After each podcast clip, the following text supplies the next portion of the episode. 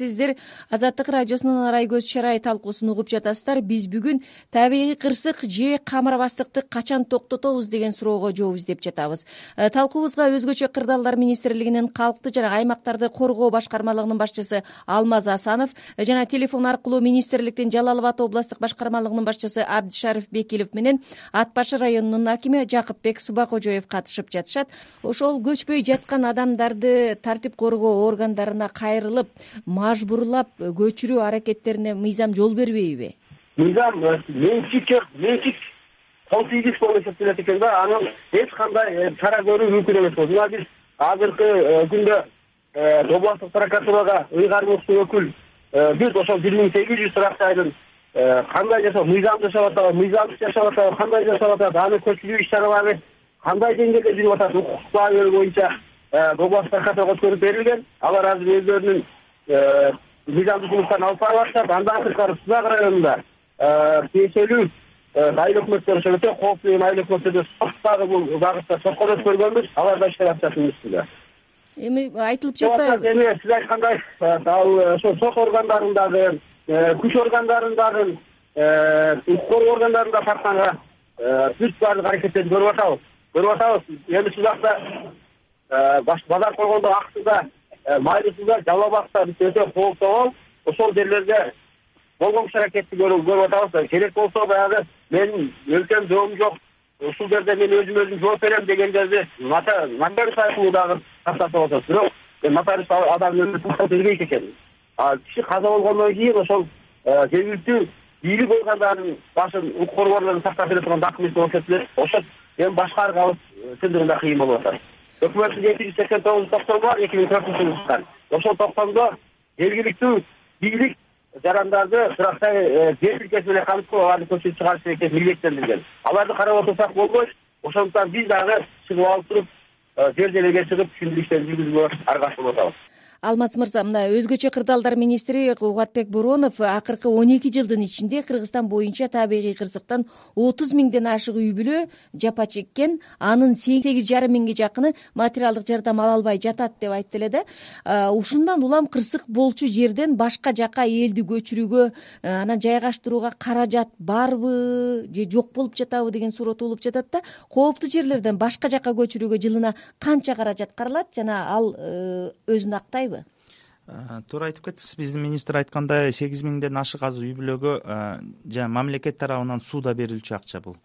Жыл сайын каржы министрлиги тарабынан госстройго акча каражаты бөлүнүп турат. Ошо именно суудаларга берилген э, суудага тизмесинде тургандарга биринчиден сертификат берилет сертификаттан кийин анан суудалар берилет. Суудан да өзүңүздөр билгендей э, жанакы үйүн ремонттогонго деп он миң үчүнчү даражадагыга анан төртүнчү бешинчи даражадагыга жарандын эмеси менен макулдашуулу менен элүү миң же эки жүз миң алат. Элүү миң безвозмездно деп коебуз. Эки жүз миңди жыйырма жылга беш э, проценти жок сууду алышат ошону дагы э, биздикилер туура туура түшүнүшпөйт. Э, биринчи даражада ошо госстрой бергенде элүү миң берет фундаментин куйганга деп. Э, анан кийинки акчаларын жүз элүү миңди жүз миң анан транш транш менен бөлүп берет. Бирок бул акчада акча каражаты аз болуп саналат. Бирок эки миң он бешинчи жылы ушу үйлөрдү страхованияга өттүк камсыздандыруу боюнча. Эки миң он жетинчи жылдын биринчи январынан сууда берилүүсү бүт республика боюнча токтоду биздин жарандарга дагы түшүндүрүп кеттик элек ар дайым э, айтып кетебиз үйлөрдү камсыздандыруу кылыш керек. Камсыздандыруу айыл жергесинде элүү сом айына бир жылга алты жүз сом болот. А шаар жергесинде жүз сом бир миң эки жүз сом болот. Ошон үчүн үйлөрдү э, камсыздандырыш керек. Эми өкмөт тарабынан сууда берилбейт бул токтомго өзгөртүүлөр киргизилген жакыпбек мырза сиз бизди угуп жатасызбы? Угуп атам сизди. Бул ат башы районундагы былтыр дагы ушу табигый кырсык болбоду беле ошол табигый кырсык кырсыктан жапа чеккен адамдарга кандай жардамдар көрсөтүлгөн анан быйыл ошондой кырсык болбош үчүн кырсыкка кабылбаш үчүн дагы кандай аракеттерди көрүп жатасыздар жалпы район аймагында? Ошо былтыр э, өзүңүз айткандай ошо анчанча бир алты үй бүлөнүн э, крышасы ошо ар кандай себептер менен табигый кырсыктан ушу жабыркады эле аларга мчс тарабынан толук жардам берилди. Бүгүнкү күндө ушу кар болуп түшкөндүгүнө байланыштуу ат баш району боюнча сегиз үй бүлө аныкталып алардын тизмеси ушул мчске берилип бүгүнкү күндө жардамдын алгачкы мындай айтканда материалдары курулуш материалдары келе баштады. Азыр мисалы башка табигый кырсык болсо каттал элек ушу быйыл кар жаагандыгына байланыштуу жанагындай тамдардын крышалары жанагындай жабылып турган учурлар бар да аларга кандай жардам берилди? Аларга ушул курулуш материалдары менен шифрлар жардам берилди рейкадан жардам берилип атат. Ошо курулуш материалдары менен жардам берилип атат. Ал эми ушул э, табигый кырсык болуп кетиши мүмкүн деген суу ташкыны болушу мүмкүн э, жер көчкүсү болушу мүмкүн деген ат баш районунун аймагында канча аймак бар? Мындай алдын ала иликтөөлөр жүргүзүлүп жатабы? Туура бизде ошо быйыл ушу мчстин планына төрт объектини сунуштурганбыз ат башынан ошол э, район центринде эки участок бар. Баштагында айылында бир участок бар анан кара суу айылына тиешелүү төрт бир участок ушу төрт объектин ошо мчстин планына киргизгенбиз кудай буюрса могу кар эрип калса ошол иштерди баштайбыз өзүбүз. Абдышарип мырза сиз бизди угуп жатасызбы? Угуп атам угуп атам мына жалал абад областында ушундай канча үй бүлө бар жардамга муктаж. Анан элди башка жакка көчүрүү иштерин жергиликтүү бийлик менен э, тез арада бүтүрүү керек го э, канча кооптуу жер бар ошолорду кандай кылып тез арада э, кырсыкка кабылбаш үчүн кандай аракеттерди көрүп жатасыздар эми азыр жалал абадта былтыр алмалуу убактагы кырсыктан кийин сызак районунда ошо бир кызыл туу айыл өкмөтүнө карагы азыраак жер бөлүнгөн жер тилкеси бөлүнгөн. Бирок айтып коюшубуз керек ошол э, кызыл туу айыл өкмөтүндөгү жер бөлүнгөн жарандарга буга чейин дагы мурда токсон төртүнчү жылы жер тилкеси бөлүнүп берип алар сууду астына алып тракторлорун салышкан да э, жогоруда э, айткан айтылгандай эле биринчи кезекте жер тилкесинин маселесин чечип бериш керек да. Ал өкмөт деңгээлде чечиле турган маселе. Аны жергиликтүү өзүбүз башка органдар чече албайт.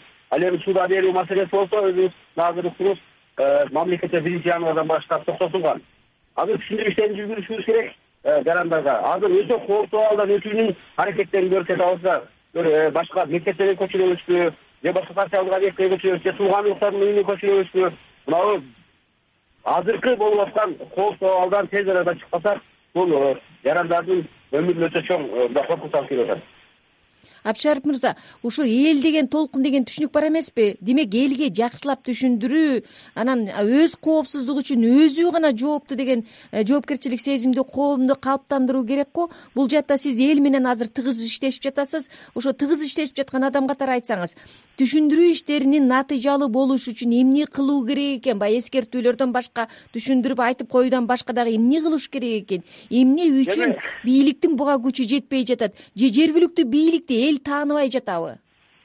Жок жергиликтүү бийликти эл таанып атат эл таанып атат бийликти эл угуп эле атат бул жерде мындай маселе биздин өзүбүздүн э, мындай менталитет дейбизби кандай? Өзүбүздүн мындай эски түшүнүгүбүздө болуп атат да бул менин ата бабамдан калган жер эле. Мен чоң ата чоң энелерим мектенип келген жер болчу. Бул жер таштап кеткенге болбойт деген түшүнүктөр дагы бар да. Анан чындап эле э, дагы экинчи жагдай бар. Биз э, кыргыз эли мал жан кылып эмеспизби. Анын жайыт маселеси чөп жайыт маселеси дагы башка ошого окшогондой маселелер мындай күнүмдүк маселелер чечилбей калып атат да ошол маселелерге эми ал чечүү негизи мүмкүн эмес экен да баягы колунда турган мал жандыктарын алып барып бир айылдан экинчи айылга барып которуп аларга ошондой шарт түзүп берүү мүмкүнчүлүгү дагы жок да. Жарандар ошону мындай туура кабыл алыша албай атат да кантип эми ушу өмүр бою ушунча мал жанды кармап эми буларды каяка алып барабыз эмне кылабыз деген маселелер да келип чыгып атат да. Бул жерде э, кооптуу жерге үй салып алса аны мыйзамдаштырууга жергиликтүү бийлик э, мамлекеттик каттоо кызматынын жергиликтүү органдары уруксат бербеш керек. Эгер уруксат берген болсо ошол жергиликтүү бийлик органдарын дагы жоопко тартуу зарылдыгы бышып жетилди го ошон үчүн жергиликтүү бийликти эл тааныбай калдыбы деген суроону берип жатам. Сиз туура айтып атасыз туура айтып атасыз. Биринчиден биз жана мен айтпадымбы жогоруда. Баягы бир миң сегиз жүздөн тегерегиндеги турак жайларды кооп жашап аткан жарандардын э, ошол мыйзам жашап атабы мыйзамсыз жашап атабы кандай жашап атышат дегени биз прокуратура органдарына өткөрүп бердик азыр экинчи э, этабында биз ошол кооптуу аймакка барып турак жай салып алып аны мыйзамдаштырып кызыл тишкекти алып э, катталып алган жарандардын азыр списогин сактап атабыз. Кудай буюрса дагы бир эки жуманын ичинде алардын дагы тизмелерин прокуратурага өткөрүп бере баштайбыз. Э, сиздерге азыр ошонтип э, мыйзамсыз үйдү салып алып жашап аткан кооптуу жерлерге жашап аткан адамдардын так саны белгилүүбү? Азыр так саны жокпу. Ошол сактоо иштери жүрүп атат сактап атабыз эми аны дагы айрым учурда жашырып жаткан учурлар бар. Өзүңүз билесиз ага кызыл китеп берген кишилер отурушат. Аны мыйзамдаштырып берген кишилер бар. Алар бизге мүмкүн болсо маалыматты жашырганга аракет жасашып атат да. Бирок биз өкмөттүн ыйгарыбыздын өкүлчүлүгү менен райондук мамлекеттик администрациялар менен түзүлүштүр анын баарын бетин ачабыз деп атабыз. Ушул мезгилге чейин мына токсонунчу жылдан бери ушул күнгө чейинки келген мыйзамсыз жумуштардын баарын бетин ачуу бул бир күндө жасала турган жумуш эмес экен бирок аракетти колдон келишинче түзүп жатабыз демек ошо жергиликтүү бийлик өкүлдөрү менен биргеликте иш алып баруу болсо натыйжасы болот го деген ой бар да бизде. Ооба алмаз мырза э, кыргызстанда жылына табигый кырсыктан канча адам курман болот? Э, анан министрликтин жалпы эле өкмөттүн алдында ушул адам кырсыктарын азайтуу аракети барбы? Бар болсо жаңы кандай ыкмалар колдонулуп жатат? Чет өлкөдөн алынган кандай тажрыйбалар колдонулуп жатат? Ушул жөнүндө бир кененирээк айтып берсеңиз. Рахмат. Туура суроо табигый кырсыктан биз э, жыл сайын анализ кылабыз. Канча киши каза болду деп. Анан э, көбүнчөсү көбүнчөсү биздики ушу автоунаа жолдордон э, жанакы дтп деп коебуз го чоң кырсыктар болгондо. Ошондо гана биздики көп көп кишилер ошондон каза болот да. Мисалы былтыркы жылы эле ушу дорожно транспортный происшествие деп коебуз э унаалардын кагышкан жыйырма эки киши каза болду биздин учетунда турган жыйырма эки киши ошо чоң э, э, чоң автоунаалардын кагылышканынан. А эки миң он алтынчы жылы э, баардыгы алып кырк жети адам каза болду бул эми ар кандай табигый кырсыктан жанакы биздики мына быйыл эле болуп кеткен кар көчкүлөр жана малды кайтарып жүргөн биздин балдарыбыз кар жүрбөйт кар көчкү жүрбөгөн жерден гана кар көчкүлөр жүрүп ошол жактан биздин мал кайтарып жүргөн балдар каза болуп атат. Андан тышкары э, пожар пожардан дагы э, алты киши каза болду. Э, баягы эле өзүлөрүнүн меры безопасности дейбиз баягы кышкы убакта плиткаларды күйгүзүп ошонун негизинен. Азыркы эми дтп деп коебуз э? Жолдогу унааларда кагылышкан. Ошондо биздин азыр э, эңден бир жыйырма үч э, пожарно спасательный э, частьтер ачылган. Ошо ар бир частьтин өзүнүн территориясы бар. Кайсы территорияда жолду кайтартуу жок автожол кырсык эмесми мен бул табигый кырсыктарды сурап жатам да. Ушул табигый кырсыктардан адам өлүмү болбош үчүн кандай жаңы ыкмаларды тажрыйбаларды колдонуп жатасыздар? Эми жаңы ыкмалардан биздики э, башка э, биздики мына э, снг өлкөсүндөгүлөрдү алабыз. Мына бишкек ош унаа жолундагыларды эле айта кетсек лавиналарды түшүрүп атабыз кар көчкүлөрдү атайын алдын алуу жумуштарды ошолор жүргүзүлүп атат. Бирок тилекке каршы Э, алмаз мырза сизге дагы бир суроо. Ушул табигый кырсыктарга э, камырабастыктан кенебестиктен э, кабылып жаткан адамдарды көз жумуп кетсе өкмөт дагы жогорку кеңеш дагы депутаттар да барып жардам беришет. Балким ошол жардамды берүүнүн зарылдыгы жоктур. Кандай дейсиз? Эми өкмөттүн чечими болот. Эми жабыркагандарга биз баягы кыргыз эли менталитетибиз ошол ар дайым бири бирибизге жардам берип турушубуз керек деп ойлойм мен. Рахмат урматтуу угарман сиз азаттык радиосунун арай көз чарай талкуусуна ортоктош болдуңуз. Биз бүгүн табигый кырсык же камырбастыкты качан токтотобуз деген суроого жооп издедик. Талкууга өзгөчө кырдаалдар министрлигинин калкты жана аймактарды коргоо башкармалыгынын башчысы алмаз асанов жана жалал абад областтык башкармалыгынын башчысы абдышарип бекилов менен ат башы районунун акими жакыпбек субакожоев катышты. Талкууну мен бүбүкан досалиева алып бардым демек жыйынтыктап айтканда э, бул табигый кырсыктардын алдын алуу үчүн ар бир адам өзүнүн өмүрү жана үй бүлөсүнүн э, өмүрү үчүн коопсуздугу үчүн өзү жоопкер деген ниетте биз талкуубузду аяктайлы кайрадан жолугушканча саламатта болуңуздар